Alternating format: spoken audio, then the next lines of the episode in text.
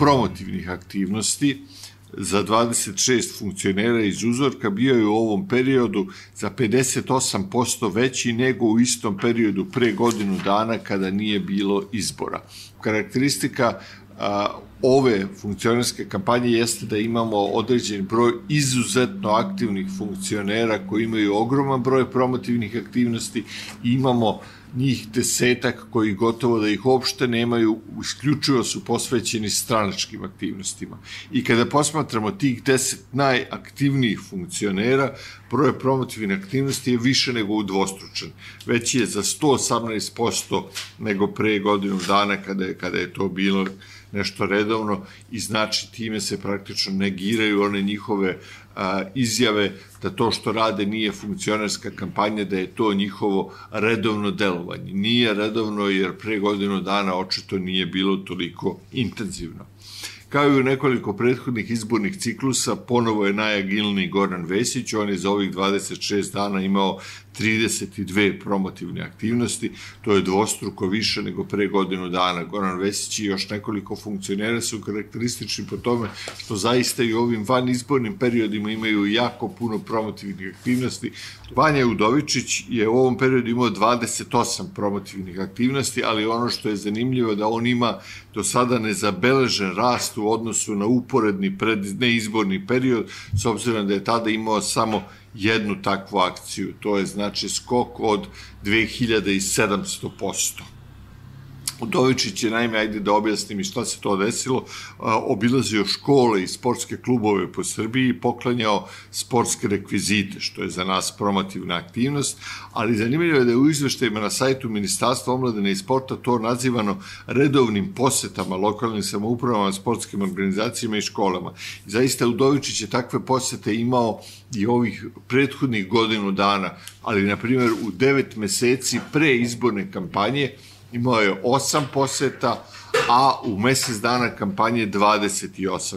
I ono još jedna stvar koja je karakteristična i u ovoj kampanji imali smo kombinovanje funkcionerske kampanje, odnosno promotivnih aktivnosti i stranačkih aktivnosti, što znači da državni funkcioner u nekom mestu se pojavi u tom kapacitetu da predstavlja državu, na nekoj promotivnoj aktivnosti, a potom se u tom istom i u okolnim mestima organizuju stranački mitinci. To je karakteristično posebno za predsednika Srbije i Srpske napredne stranke Aleksandra Vučića, a, on je u, u ovih 26 dana imao 11 promotivnih aktivnosti, otvaranje objekata ili polaganje kamenja temeljaca, a od toga samo u prošloj nedelji šest. I svaki put je posle tih a, promotivnih aktivnosti u tom mestu i u nekoliko okolnih mesta imao a, stranačke skupove. I kao što je poznato generalno iz svakodnevnih nastupa, svi učesnici kampanje i funkcionerske i stranačke hvale Aleksandra Vučića, to smo viđali i u nekim izbornim ciklusama kada on nije bio kandidat, kada nije bilo predsjedničkih izbora i tu imamo neke zaista onako simpatične ili da kažem neverovatne primere da se Vučića uspeva umetnuti na primjer u priču o poštanskim markama povodom 65. godišnjice diplomatskih odnosa Maroka i Srbije, odnosno valjda Jugoslavije, pa smo čuli poređenje sa Milošem Obrenovićem, neki su srećni jer, su, jer će se pominjati da su živeli u eri Vučića, a po meni do sada najveći domen u, u, u ovoj sportskoj a, disciplini je, je ostvario Aleksandar Vulin, Kobi drugi, koji je otvarajući takmičenje na jednom šahovskom turniru doslovno rekao turnir je organizovan uz najviši nivo bezbednosti a predsednik Srbije Aleksandar Vučić je odličan šahista, ko ne veruje neka proba da ga pobedi.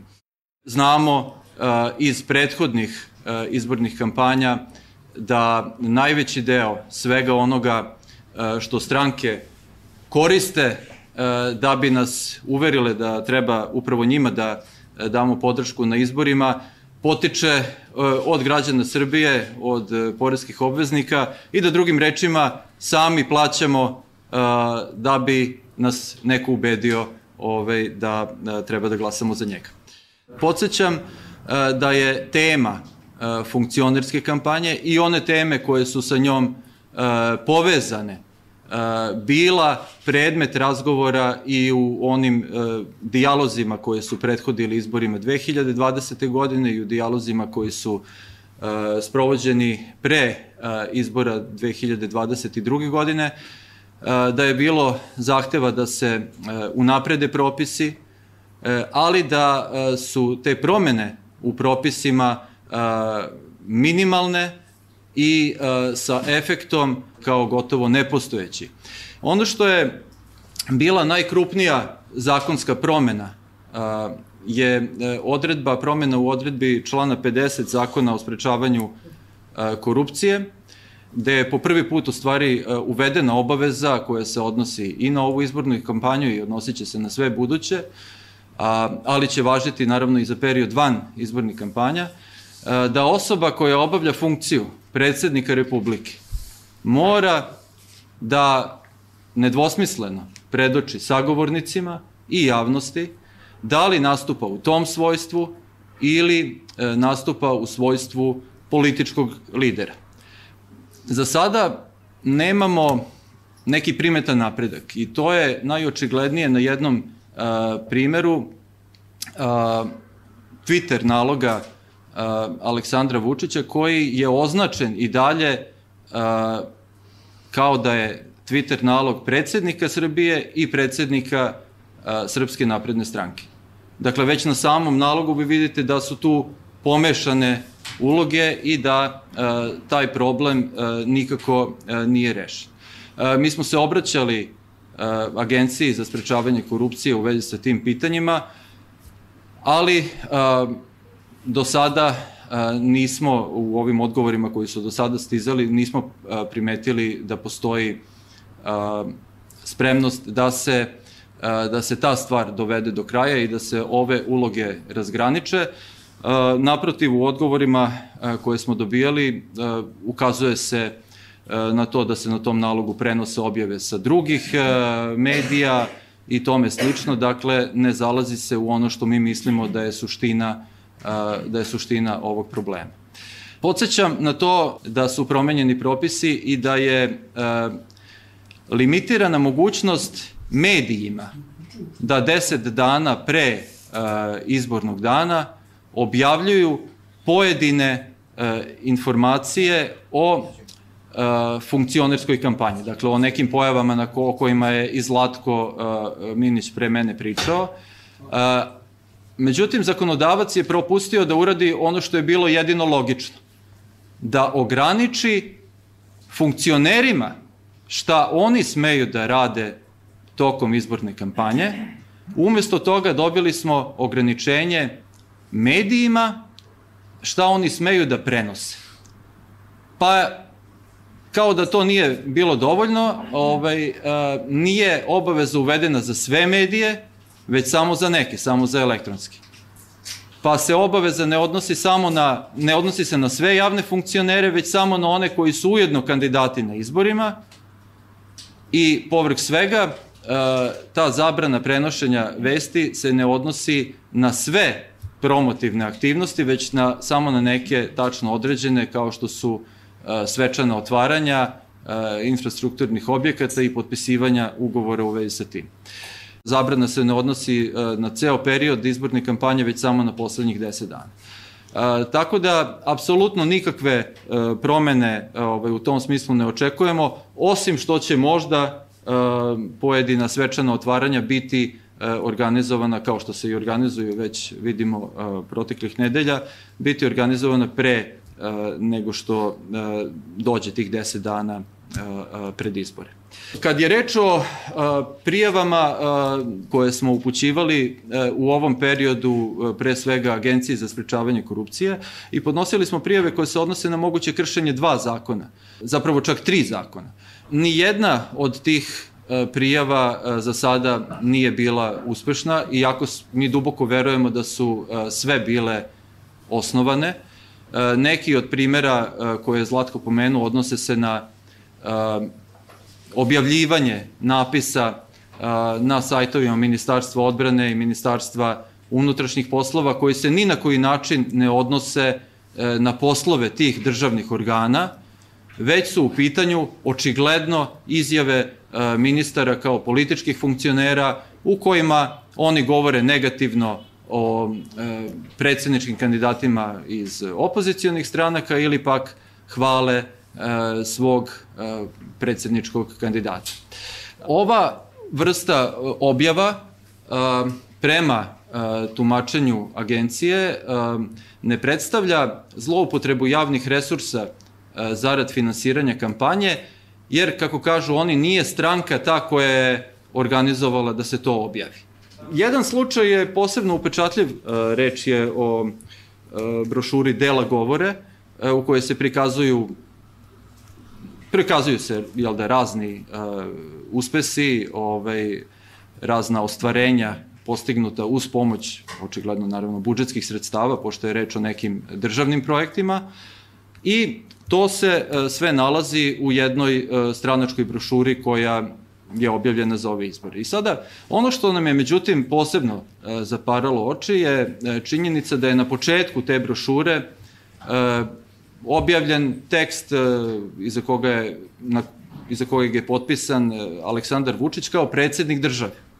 Agencija je zaključila da tu nema povrede zakona o finansiranju političkih aktivnosti, između ostalog zato što navedena fotografija e, nije nastala delovanjem stranke. U odgovoru je agencija citirala zakon o autorskim pravima da je fotog, fotografija duhovna tvorevina, pa onda ide dalje. Meni je to bilo onako krajnje simpatično, kakva snalažljivost da se opravda kršenje zakona. Ja bih sada ovaj, prešao na deo koji se tiče finansiranja e, kampanje.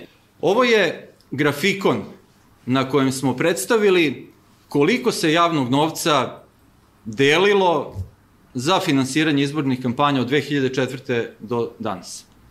I ako vidite ove stubiće, ovaj poslednji u nizu odnosi se na predsedničke i parlamentarne izbore ovogodišnje, 15,7 miliona evra, I ovaj stubić jednako, gotovo jednako velik, ali za nijansu ipak manji, odnosi se na predsjednički i parlamentarni izbori iz 2012. godine.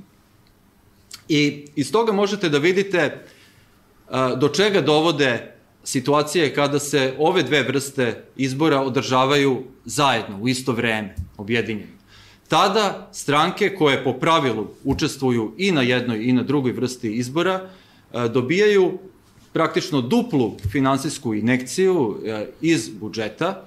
Ako pogledate zvanične izveštaje o troškovima izborne kampanje, imate ih sve objavljene na sajtu Agencije za sprečavanje korupcije, vidjet ćete e, da stranke prikazuju kao da su utrošile sav taj novac koji je dobijen iz budžeta, pa često i nešto preko toga, iako u stvari troškovi kampanje e, nastaju pre nego što ti učesnici izbora i znaju koliko će novca dobiti jer se najveći deo novca deli naknadno. Sada, nakon izmena zakona o finansiranju političkih aktivnosti, 60% novca se raspodeljuje na osnovu izbornog uspeha, a 40% svima unapred. I to nas dovodi sada do, do druge tabele koju hoću da podelim sa vama imamo ovu izbornu kampanju, ona će omogućiti daleko većem broju učesnika da se, da dopru do birača. Jer, ako ništa drugo, čak i ako ne prikupe dinar jedan iz privatnih izbora, iz nekih priloga ili tome slično, prema našem proračunu, koji je zasnovan na aktuelnom broju proglašenih parlamentarnih izbornih lista i na uh, pretpostavljenom broju predsedničkih kandidata, dakle mi smo pretpostavili da ih može biti osam na osnovu onih koji su do sada proglašeni i onih koji su, za koje se zna da su podneli svoje kandidature.